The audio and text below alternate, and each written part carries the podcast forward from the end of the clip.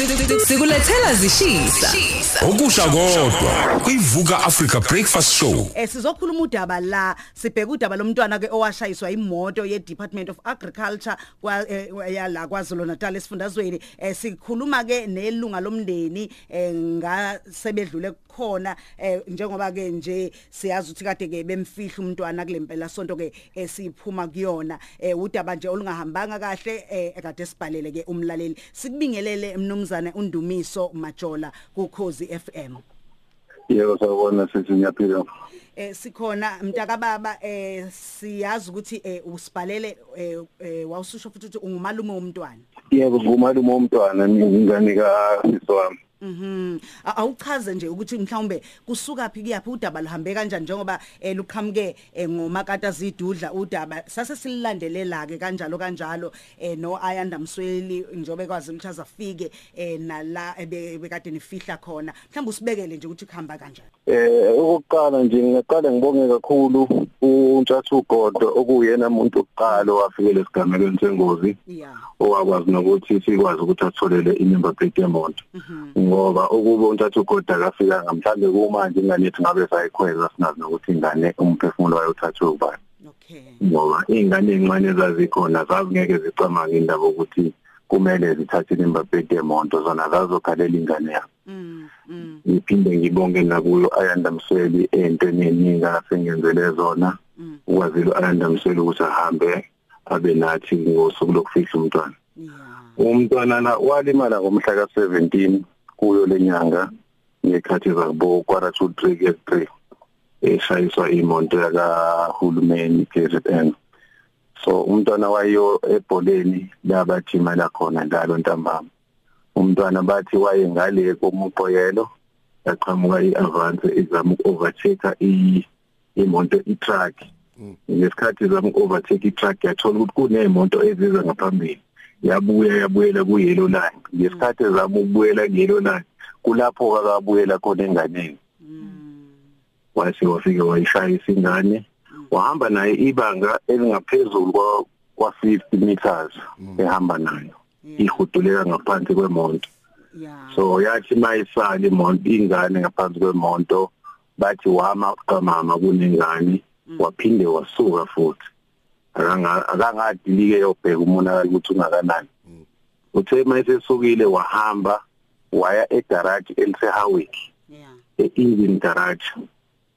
Wafika engine garage kwafika enye imoto eyafike yamthatha khona. Ekwaku kwasolakala ngazuthi kwakunkosikazi wakhe.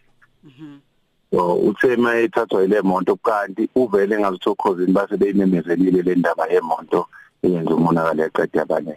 Kwanomuntu thizeni owafona egarage washo wathi imoto isisele la egarage uthathwe imoto kanje. So uNight Force wangenelela kulolo daba wayibona imoto wazama ukuyijaha. Bathi bacela ibackup ku emaphoyiseni ngesikhathi beyijaha.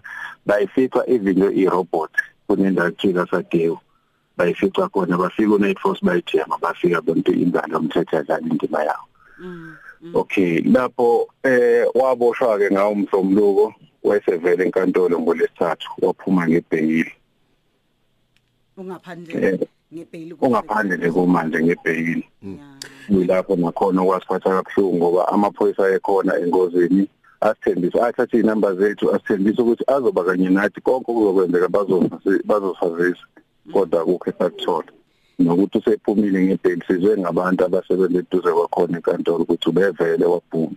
Ya ngesikhathi kufihlwa umntwana eh ngempela sonto eh mhlambe ukhona obevele eminyangweni obekade ekhona mhlawumbe njobe ngathi nithi imoto eh kwanguya kwa Department of Agriculture umnyango wezolimo.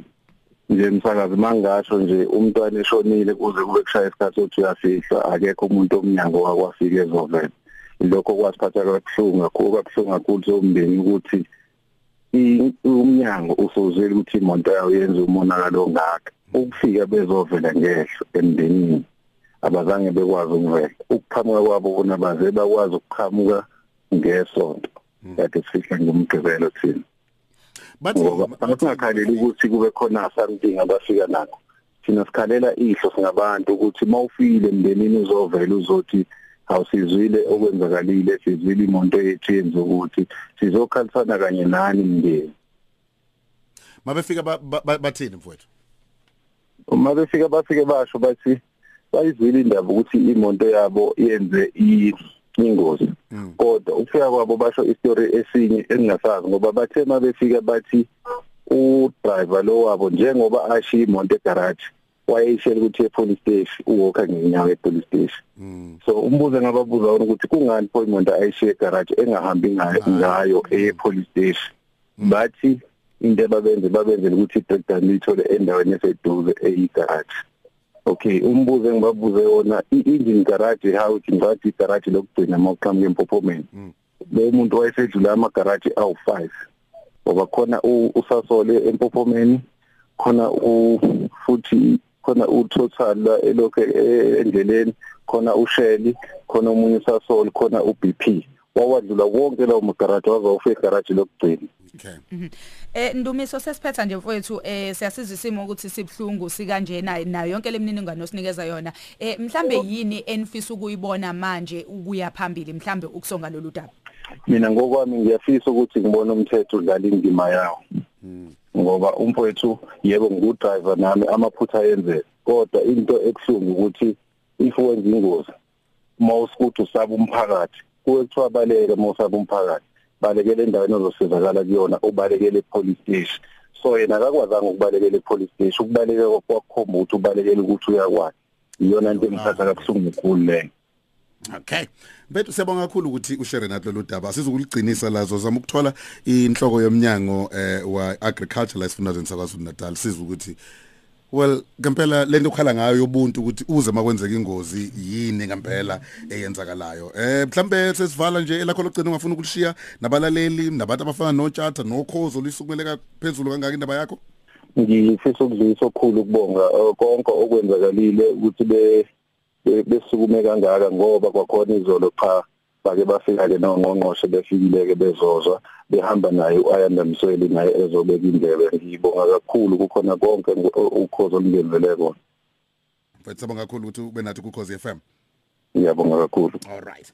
Cause FM isikhathi u752 mhlamba siyeni ku ad break sibone ukuthi ngeke saliqhubha yini Yeah. lolu daba.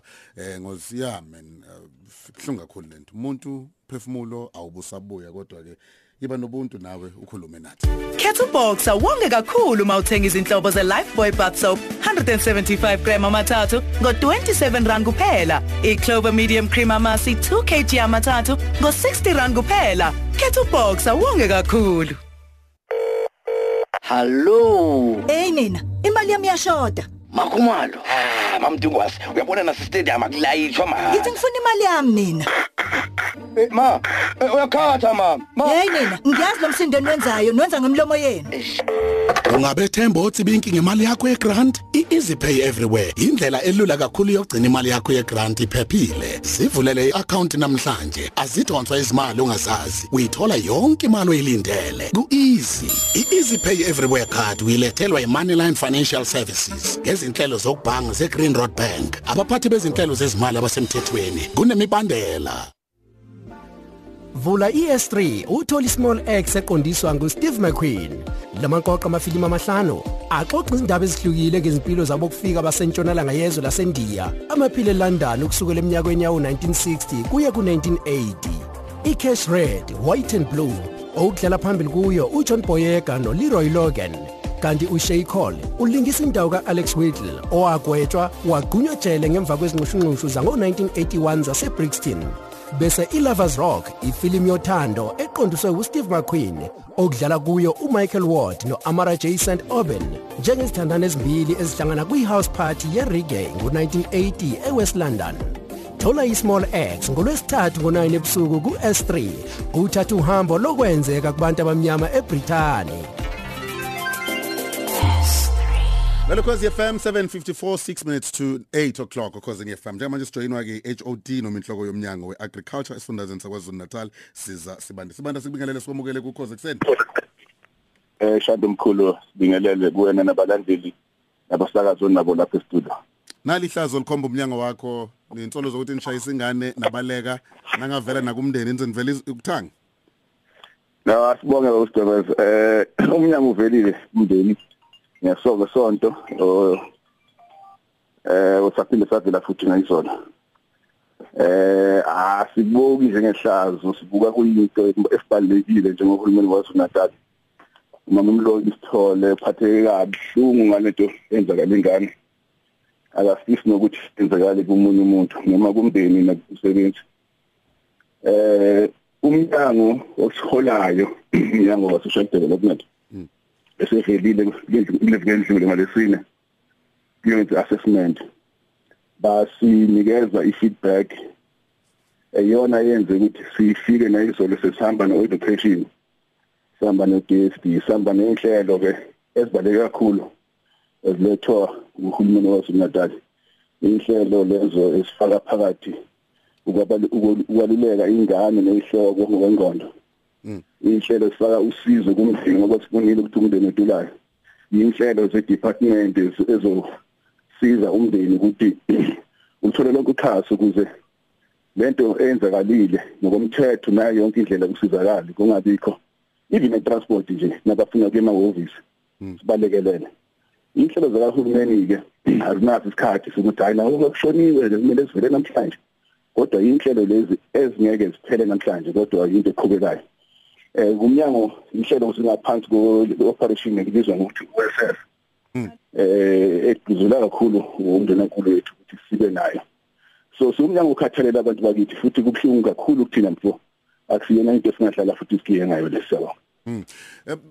HOD asiyeni kuludaba ngqo manje ngifisa ukuthi eh, ngibuka indaba yokuthi nina senilibheke senilwenzile uphenyo lweni langaphakathi ditholana. Mfo into ebhlungu eh esingakusho nje ukuthi sizamile ukuxhumana nomsebenzi wethu ukuthi enze ubulungiswa. Eh iloko futhi kumhlambe kudala i-communication breakdown between thina ne-office lakhe lapha sisebenza ngaphansi kulona. Okwesibili saxhumana namaphoyisa sizo eh ngolesihlanu ngabiza umhlangano ngesonto saxoxa nemanagement somlungu isinqumo sathathwa ngokuthi umama lo isithole beshilo vele kwedlule ukuthi akube khona into esiyenzayo even nokuvela kuyamndeni adinga ngokuthi sebenza ngaphansi komthetho mfo ngamele silandele yonke imithetho ekhona ukuze singatatazeli futhi singa ngadamezeli kulento eh sathatha isinqumo ke after sesibonile ukuthi kubalekile ukuthi umsebenzi lo simsuspend ngoba kunokuphenyo olunzima elesiliqalile elinqonye uyena umama uMC ukuthi senze sure ukuthi eh yonke into errong siyayifundulula kulelo daba eh nomsebenzi futhi uyasithola isijezo esimfanele ngoba sumnyango abasebenzi bafika kuthina abantu bafika bazofuna umsebenzi sithola umsebenzi bafune ama tools of trade lezi zizakala zokusebenza sibanikeze bese futhi bayamosha bamosheni negama lethu. Yiloko nje kubhlungu kulolu daba ngeke ngene kakhulu kulona ngoba lingaphansi kwamaphoyisa and uh, asa investigator nawo kodwa umsebenzi umisiwe. Njengamanje ngoba kukhona izinto safuna ukuyi-check esihambisana nalento le sehlekele ukuthi abengabivi nalo ilungelo lokuphuma nje office manje sikhathi unayo nje ipermit i-authorization yokuthi athathe imoto. Konke lokho kuyingxenye yophenyo. Kwesibili nokuthi ama-witnesses njengojada sizwile ukuthi omunye ama-witnesses um bazothola nokubona ukuthi kwenzakaleni ngoba isitholayo asihlanga kona sikona ngempela mfo noma ke sineke sisisho moyeni siyabona Okay. Mhlambe sizoya kuyindaba bese sibuya siqedela ngale yana eh because kuningi besafuna ukukuthola. Mhlambe sizocela nje ungibambele kanjalo eh HOD. Sizongena indabeni masibuya kanjani indabeni salivala lo daba lethu. Sikulethela zishisa. Okusha kodwa kuyivuka Africa Breakfast Show. Lelo cause FM 13 after 8. Sikhuluma ke neHOD yakwa uh, yakwa agriculture esifundazweni sakwaZulu Natal sibheka ke indaba ke yodaba eh, olithinta ke umntana oshayiswe imoto. Khona na kanjani eh umfowethu usiza sibane. Futhi sibane ngaphambi ukuthi siye kwi break nane indaba. Ubukade usasichazela ke ngokuthi niya mangi understand kahle niyeka u2 lapha kona konke lokhu nikwenze after umncwabo. Ya msakazi eh ngokwithoba futhi ngokuhlonipha umndeni. Eh kona kuye kwaba khona ukuphambana kwenkulumo phakathi kwethu nenhlelo zethu kwesifisi impela wathola ukuthi akusahambi ngohlelo lethu. Eh ngoba sihulumeni nomama beshilo umama Scott ukuthi asingenelele sibone ukuthi sisiza kanjani. Ni ni ni- nifike Kodwa- nini HOD nifike after umngcwabo ilokho engiza- engizama ukukuthola manje. Eh si department of agriculture sizo after umdwabo i-social development uyi-department edila nenhlala kahle bafike ngolesimo ndlule bona. Y- yini nibambile nize nize emveni komngcwabo? Eh ngicabanga ukuthi mangonile kufanele kube yimini ozaqala ngaphambi kokuthi oza kwenu eh baka social development bese? Social development uyingxenye kahulumeni waZulu Natal ingxenye yethu. Eh ibona esikhathini esiningi abas-advisayo basinikeza i-profile yomndeni okay ni kodwa kulesimo lesi correct ucorrect babu- babushanda bekumele siyile si-department sifikile kumndeni saxolisa sasho futhi nezizathu kungani singafikanga. Then ke manje ukuphambana kwe- kwe- kwengxoxo yethu ngaphakathi. Kodwa nje lokho kusifake kakhulu enkingeni nakubafuna umphathi wethu ngoba uyena befisa ukuthi sifike before umgcwabo kodwa-ke nxa yokuxoxa kwethu singama-officials nokubheka into zomthetho no- no-employee kwadile. Kodwa-ke besifisa nathi sesixolisa kasikhosi kakhulu umndeni ukuthi senze ubulungiswa and yilokhu sizama ukwenza manje. Senixolisele nga- ngakho lokhu kuphambana kweinto zenu zangaphakathi?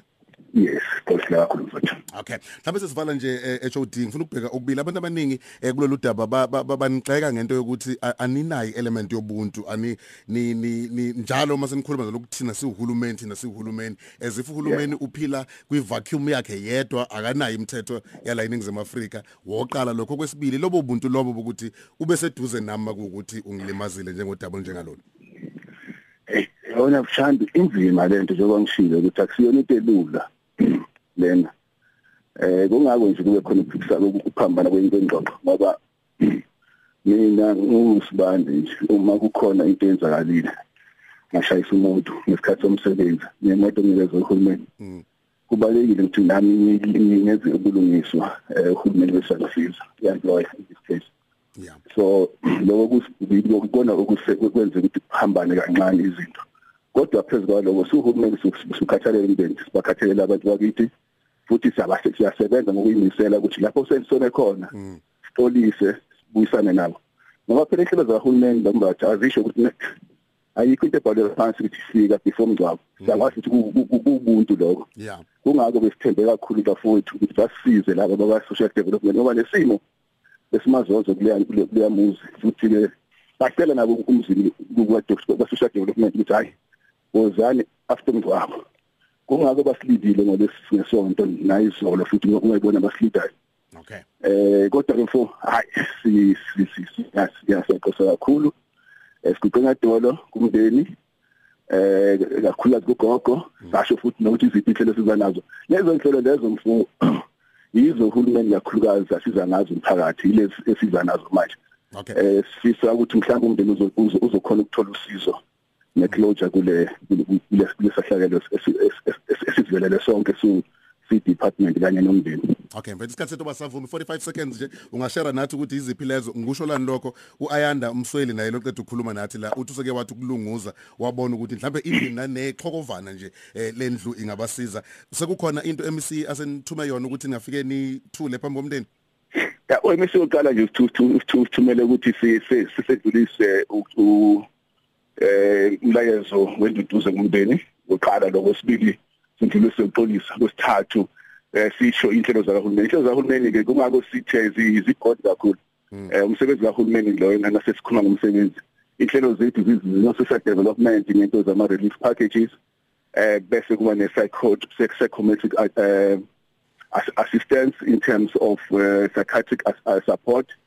Eh kubantu abazosiza ngokwengqondo kakhulukazi inganeni lezo esihlukumezeka kakhulu. Okay, kube i- ne ikhona department of indlu kulezinto- education kufanele- kulezo ingane lezo ezine eziningi ngoba nabo banawo ama psychologists as well.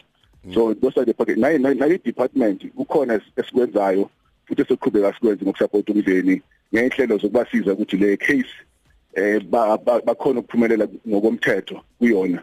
Lokho sis- even legal team yethu yes is is also is also involved. Okay indlu ikhona kulezi zinto ibalayo yeah indlu mfo is part of the profile app esizoyenza eh kul- eh, njengohulumeni ngaphansi kwe operations kumasakhe eh then ke it- it- ngokwe assessment i department of human settlement soyicela ukuthi ingenelele nakhona. Esho ukuthi siyabonga kakhulu ukuthi ube nathi ku Khosi FM kubonga mina mfowethu sponsor kakhulu futhi. Sibonge naku mfowethu msweli eh ubambe njalo ndoda ne foundation yakho babisene nabasakazi basekhosini sengithanda kahle kakhulu nabo. Eh futhi sisho ukuthi nabe siziphuthe bafethu zethu singaboni senishaya ngenduku okay. Eh sesifika nje ama- izagila kanti sisonke kulento ukusiza umphakathi siyabonga baba okay HOD ke le ye agriculture okhosini FM